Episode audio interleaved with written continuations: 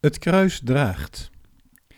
Ten zuiden van Namur ligt het plaatsje Wouwelsort, waarschijnlijk Volsor aan de Maas in Franstalig België.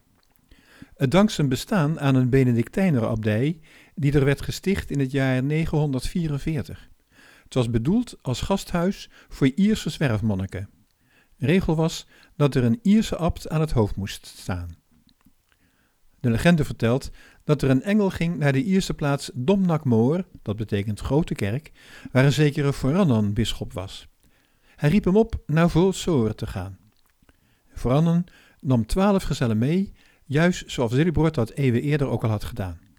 In het late najaar arriveerde het gezelschap aan de Schotse oostkust. Te laat.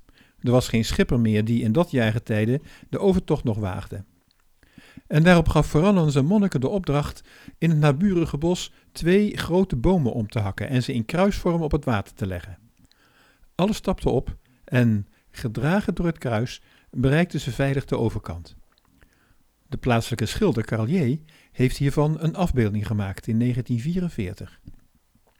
Carlier schildert een lieflijke wereld die als een soort moederschoot het tafereel omsluit. Ongerepte natuur, zover het oog reiken kan. En buiten woedt het oorlogsgeweld van het Ardennenoffensief. Hoewel Verannens verhaal zich afspeelt in het late najaar, staan de bomen er nog fris groen bij. In de rotsen hier en daar een bloemetje. Geen zuchtje wind zo te zien.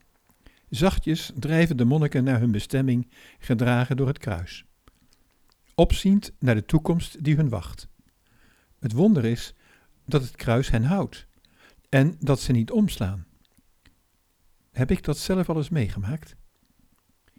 Te midden van een barre wereld een visioen van vrede en schoonheid voor ogen houden. De omgekeerde wereld. Dat was het geheim van de profeten uit het Oude Testament. Het is al begonnen, merk je het niet? Het geheim van Jezus. Van zoveel gelovigen voor mij.